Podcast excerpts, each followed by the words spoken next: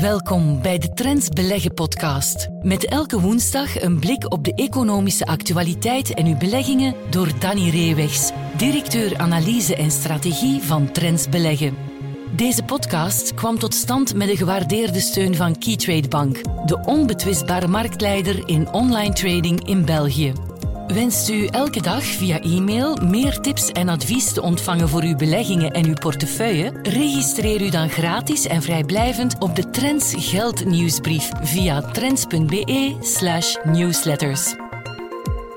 Welkom bij de podcast van Trends Beleggen. Dag Danny. Dag chef. Ja, en Danny, we overlopen nog volop de resultaten van de eerste jaarhelft. Je hebt er weer drie aandelen bijgehaald voor deze aflevering, uh, waarvan het eerste Bpost is. Nu, er is de afgelopen maanden heel wat te doen geweest rond het Belgische postbedrijf. Niet allemaal positief, ik denk zelden positief. Um, een eerste vraag, heeft dat impact gehad op die resultaten op de eerste jaarhelft? Gelukkig niet voor de aandeelhouder. Eh, die is al genoeg eh, getergd geweest eh, de voorbije maanden en jaren. Dus gelukkig is dat niet echt gebeurd. Het is een troost, een magere troost, want uiteindelijk zit het aandeel nog altijd 30% lager op jaarbasis en 70 of meer dan 70% onder de IPO-prijs, dus uh, de prijs waartegen het aandeel naar de beurs is gegaan voor een defensief uh, aandeel voor de goede huisvader of goede huismoeder, is dat toch wel zwaar slikken geweest. Maar kijk, als we alleen naar die halfjaarresultaten kijken, dan kunnen we niet zeggen dat we daar ontevreden kunnen over, over zijn. Dus ja, gelukkig is die impact toch, toch niet gigantisch. Wat waren de hoofdpunten uit die halfjaarresultaten voor jou? Uh, ja, dat we zien dat de Belgische activiteiten uh, toch goed uh, doen. Er is nog een verdere daling, maar dat is altijd verwacht van de volumes in de postactiviteiten, ja. min 8 ongeveer.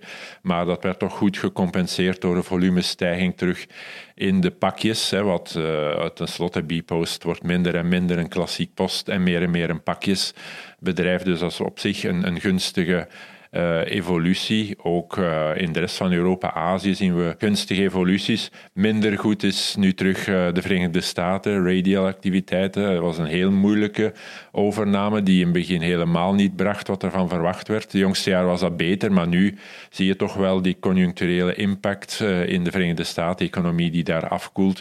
En dan heb je natuurlijk ook minder pakjes, minder logistieke activiteiten, diensten die kunnen verleend worden. En dat zie je daar toch een serieuze volumedaling van meer dan 10%. Ja, en qua vooruitzichten, uh, kan er daar al iets voor gezegd worden? Is dit een beetje een voorbode wat de rest van het jaar zal brengen voor Bpost? Ja, ze hebben toch aangegeven dat die tendensen die we in de eerste jaar hebben gezien, dat we die van de rest van het jaar mogen verwachten. Dus vrij goede uh, cijfers voor Europa, voor België en minder voor uh, de Verenigde Staten. Ze verwachten dus niet meteen een verbetering daar van de situatie. Ja.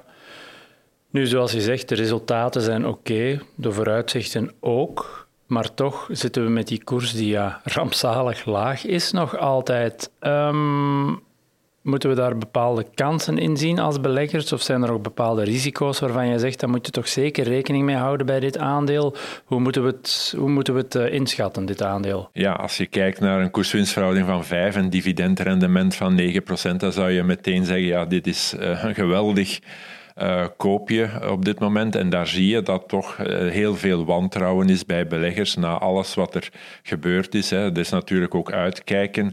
Wat is nu de e-, exacte invloed en impact van, van die schandalen? Het krantencontract, hoe gaat dat evolueren en vooral dus die overfacturatie aan de overheid. Men heeft zelf aangegeven, dit gaat ons 25 tot 50 miljoen euro uh, potentieel kosten. Wat gaat, richting uh, de toekomst? Het is heel moeilijk om die audit daar uh, te zien wat daar gebeurt. Dus op dat vlak is er niet bijkomende informatie. En ook nog belangrijk, uh, Pipos is nog altijd een schip zonder echte kapitein op dit moment. Dus nog altijd wachten op een nieuwe CEO, een nieuwe topman. Ik kan me voorstellen, als je een degelijke topmanager uh, dat je nou al, al uh, het voorgaande, waarbij de twee recente CEO's zijn moeten opstappen, dat je niet zo scheutig bent om, om die taak op jou te nemen, omdat daar toch altijd ook, ja, dat moeten we zeggen, invloed is vanwege wege de politiek, die niet altijd gemakkelijk maakt om, uh, om daar je, je, ja, je accenten te leggen die je wil leggen bij het bedrijf. Dus dat is duidelijk een moeilijk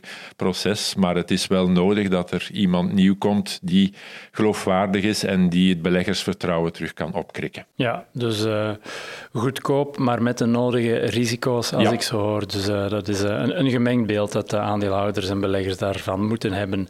Tweede aandeel dat jij erbij hebt genomen, de Belgische bioscoopgroep Kinepolis.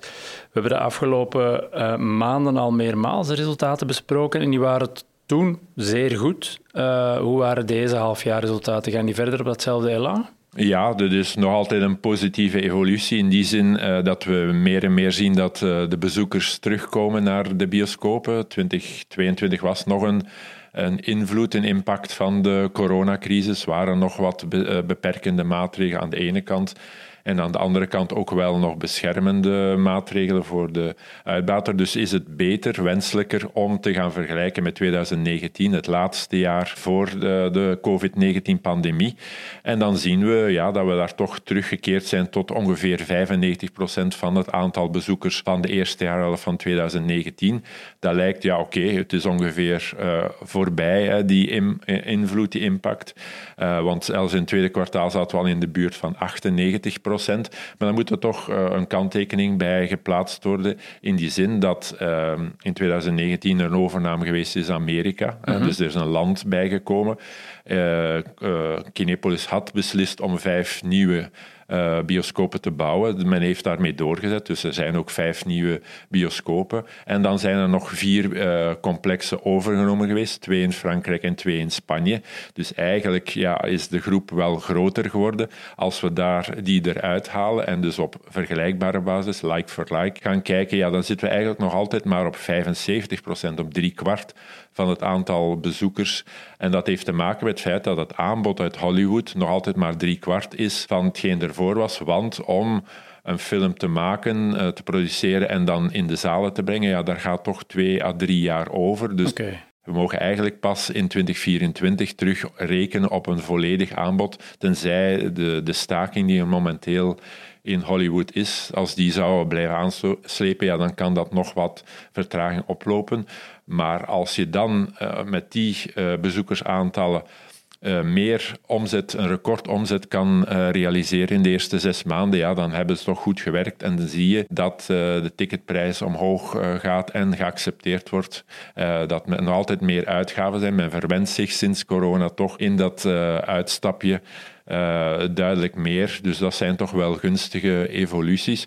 Wat minder uh, positief was, is dat de schuldgraad toch nog vrij hoog is. Uh, de netto financiële schuld is ongeveer vergelijkbaar met de situatie eind vorig jaar, ondanks dus die hogere bezoekersaantallen en die hogere omzet. En dus ook de, de ratio netto financiële schuld ten opzichte van EBITDA of EBIDAL. Als je de huurlasten eruit haalt, ja, dan is die nog altijd boven, boven drie. En dat is misschien wat aan de hoge kant uh, gebleven. Oké, okay, dat is een werkpuntje voor de komende ja. maanden. Maar zoals je zegt, recordresultaten voor uh, de eerste jaarhelft. Um, hebben ze een beetje vooruitzichten kunnen geven wat dat voor de rest van het jaar zal betekenen? Hangt dat dan ook af van welke films er nog in de tweede jaarhelft zullen uitkomen om dat recordniveau te blijven behalen? Ja, eigenlijk kan men alleen maar heel allee, met de nodige glimlach kijken, want juli is een fantastische maand uh, geweest. De ideale combinatie van topaanbod met Barbie en, en Oppenheimer aan de ene kant en aan de andere kant ja, het weer. Het was kwakkelweer in Europa. En dat is natuurlijk fantastisch voor een bioscoopuitbater. Dus uh, er zijn drie uitzonderlijk goede weken geweest in juli. Natuurlijk, dat maakt nog niet het hele tweede semester. En je moet altijd verder kijken. Maar het aanbod ziet er vrij goed uit uh, aan films. Dus normaal gezien zou die recordomzet uh, zelfs misschien recordbezoekersaantallen kunnen komen. En dus ook een heel, een heel uitstekend 2023. Ja. ja, je hebt die recordresultaten, goede vooruitzichten. Ik ken beleggers en ik heb zelf ook altijd een beetje dat gevoel gehad bij het Kinepolis aandeel. Oké, je weet dat het een topbedrijf is, maar waarderingsgewijs is er altijd iets dat mij tegenhoudt om er enige aantrekkelijkheid in te zien? Ja, zijn er bepaalde zaken die ik niet in de gaten heb wat betreft dit aandeel? Of, of hoe moeten we dat, uh, het, het, waarderingsniveau ten opzichte van de resultaten uh, bekijken? Ja, ik denk toch uh, dat er een aantal aspecten zijn. Eén, um, dat de rest van de sector uh, nog altijd kampt met uh, post-corona-situatie. Dus een, eh, vaak in een slechte financiële situatie. En dan hebben we over de grote megaspelers zoals AMC. Ja. Uh, Cineworld, ja, die zijn toch heel zwaar getroffen geweest door de COVID-19. pandemie. Uh, dat is één aspect. Twee is dat er heel veel kleinere familiale bioscoopuitbaters zijn die niet in staat zijn om want het gaat allemaal om beleving. Eh, we willen nog naar de bioscoop gaan, maar dan moet het een wauw-gevoel creëren voor ons en voor ons gezin. En dat kunnen die spelers veel minder aanbieden. En die zijn eigenlijk vele daarvan toch ook op een leeftijd gekomen dat ze eerder aan verkopen eh, denken. Alleen ja, mede door die coronacrisis en het feit dat de bezoekersaantallen nog altijd lager zijn, um, ja, gaan ze toch op een gegeven moment moeten toegeven over een bepaalde prijs hè, mhm. die, die ze willen ontvangen voor een. Eh, dus uh, Kinepolis staat daar wel klaar om uh, ook uh, die externe expansie die ze deden voor de coronacrisis, om dat terug op te pikken. Ik verwacht dat eerder vanaf 2024 het geval uh, zal zijn, wat toch de expansie heeft. En door uh, de hogere winstgevendheid, rendabiliteit die ze ondertussen gecreëerd hebben, zou dat de komende jaren, uh, tenzij natuurlijk het filmaanbod niet echt voldoet of de weersomstandigheden slecht zouden zijn, zou dat permanent tot hogere resultaten kunnen leiden. En dan moeten we zeggen, voor de coronacrisis noteerde Kinepolis ongeveer aan 60 euro. Vandaag zitten we rond 45, dus dat is toch een kwart lager. Um, ja, als ze die expansie kunnen doen en die recordresultaten kunnen laten optekenen, dan denk ik toch dat er potentieel is voor het aandeel. Ook wetende dat mocht er uh, de economische activiteit verder achteruit gaan, dat we naar recessie gaan, dat bioscoopbedrijven het meestal goed blijven doen. Ja. want het is nog altijd een, een van de goedkopere manieren om de avond om, een, uh, om ontspanning te hebben. En dan zien we vaak dat mensen dan iets vaker naar de bioscoop gaan. Dus eigenlijk globaal gezien zijn de vooruitzichten toch voor de komende jaren, voor dit jaar en de komende jaren, vrij rooskleurig. En dat geeft het aandeel toch nog wel wat potentieel. Ja, een combinatie van groei en kwaliteit, als ik uh, tussen de lijnen lees. Uh, een ander succes- en groeiverhaal op de Belgische beurs, Lotus Bakeries, kwam ook met resultaten. Eh, en daarin werden twee mijlpalen in de verf gezet. Welke, welke precies? Ja, dat zij voor het eerst in een half jaar ingeslaagd zijn om meer dan een half miljard euro omzet uh, te realiseren. 501 miljoen, dat is de eerste keer ooit dat dat uh, is gebeurd. En ten tweede dat in een cruciale markt, de Verenigde Staten, dat daar de penetratiegraad in de koekjesmarkt voor Lotus Bakeries boven de 5% is uh, gegaan. En dat betekent dat ze ja, van een markt gecreëerd hebben en dat ze daarin nu verder gaan bouwen en dan ook met veel, veel meer uh, bijvoorbeeld uh, reclame, marketing gaan ondersteunen. Ja. Um, ehm, 5% betekent dus dat elk gezin in de Allee, 5% van de gezinnen in de Verenigde Staten wekelijks een product, een koekjesproduct, ja. koopt van Lotus Bakeries. Dus dat is toch wel een, een heel belangrijke evolutie. Uh, en dat toont aan ja, dat, uh, dat de groei daar zich nog altijd uh, verder doorzet. Ja, en het, het rapporteert en het opereert in drie segmenten. Je hebt dat Biscoff-segment, ja. de speculaaskoekjes, dan heb je de gezonde snacks en dan heb je de local heroes. Wat waren voor jou de hoofdpunten in die drie segmenten uit de resultaten? Ja, dat we toch overal een, een sterke groei zit. Globaal 20% waarvan 8% volumegroei. Hè, want we zeggen natuurlijk, ja, inflatie, de prijzen zijn, zijn verhoogd, dus het is gemakkelijk om omzetstijging te laten optekenen, maar het is toch duidelijk dat uh, Lotus Bakeries ook ten aanzien van, van concurrenten het beter doet, sneller uh, blijft, uh, blijft groeien. Ook omdat die gezonde snacks, daar zien we zelfs een omzetgroei van 25%, Lotus Biscoff 20%, en de local heroes, de, de franchipannen en dergelijke, de wafels, zien we 15% groei. Dus dat is toch ook terug wat volumegroei, waar we de jongste jaren dat niet hebben gekend. Dus globaal gezien op elk domein heeft eh, Lotus Bakeries toch wel beter kunnen doen dan, door, eh, dan ze zelf en door de markt was ingeschat. Ja. Maar zoals je zegt, de ambities zijn heel hoog. Uh, vooral denk ik dan met dat Biscoff-segment, dat vergt enorme investeringen. Um, kan dat op de rendabiliteit wegen in de toekomst, denk jij? En is Lotus in staat om die investeringen ook rendabel te ontwikkelen naar de toekomst? Ja, ten eerste, ze hebben de middelen. Hè, want ondanks dat ze enorm geïnvesteerd hebben in nieuwe productielijnen in de Verenigde Staten bijvoorbeeld, ze bouwen nu ook een fabriek uh, in, in Thailand, hè, die denk ik 2026 zal operationeel moeten zijn. Blijft de schuldgraad heel laag. Eén keer slechts uh, EBITDA, één keer de bedrijfskaststroom. Dus dat is echt, uh, echt weinig. Ja, um, ja de, de rendabiliteit is ietsje verzwakt. Hè. Ze hebben normaal een marge van 20% of meer. Eh, zijn nu rond de 19, net iets boven de 19%. Maar de groei is nog altijd heel sterk. En we zien in de top 10 van alle koekjesfabrikanten dat Lotus Bakeries met Lotus Biscoff nog altijd de snelste groei is. Ze hebben nu plaats 6 uh, eh, op de wereldranglijst. Uh, en zijn ambitie is en blijft, hebben ze opnieuw uitgesproken, om naar de top 3 te evolueren. Dus dat betekent, en dat eh, alle signalen zijn er ook, dat ze wereldwijd kunnen blijven groeien en dat die ja, smaak toch uniek is in die zin ja, dat in, alle, alle, in heel veel landen, heel veel culturen, heel veel werelddelen ja, die smaak aanslaat. Hè. Dat is in de Verenigde Staten zo, maar even goed in Azië, in China en dergelijke landen, in Europa uiteraard ook. Zodat die groei er kan komen. En ook in die gezonde snacks ja, zitten ze nog altijd aan een zeer hoog groeiritme. Dat is begonnen in het Verenigd Koninkrijk, maar dat eh, zet zich ook meer en meer door in andere landen. Dus eigenlijk heeft Lotus Bakeries geen reden om niet te zeggen dat ze uh, ambitieus mogen kijken naar de toekomst en dat ze ja, dat op een rendabele manier kunnen doen. Ik had van het weekend voor mijn kinderen een keer de oefening gemaakt. Moesten we bij de IPO van Lotus Bakeries er 1000 euro in geïnvesteerd hebben, hoeveel dat nu zou geweest zijn. En ik kwam op boven de 200 240.000 uit, denk ik. Ja, het is een, van, uh, fabuleus groeiverhaal. Ja. ja, maar je kunt je ook afvragen, als je naar die koers kijkt nu, zijn de verwachtingen niet extreem hoog gespannen. En hoeveel wat er nu al in die koers zit, het lijkt bijna boven natuurlijk wat er nog verwezenlijkt moet worden om, om dat waar te maken. Hoe, moeten we daar naar kijken als belegger? Ja, uiteraard. Hè. Er is geen enkele analist of belegger die het eh, aandeel al een tijdje volgt, die niet weet ja, hoe sterk die, die groeivooruitzichten zijn. En dat heeft zich natuurlijk vertaald. En nu in een beurskoers van boven de 7000 euro. En zoals je aangaf, inderdaad, 2001 weet ik nog dat we rond de 50 euro stonden. Dus ja, dat is inderdaad een fabuleus parcours waarbij, denk ik, eh, de laatste 1, 22 jaar 19 eh, of 20 keer uh, de Bel 20-prestatie werd overtroffen.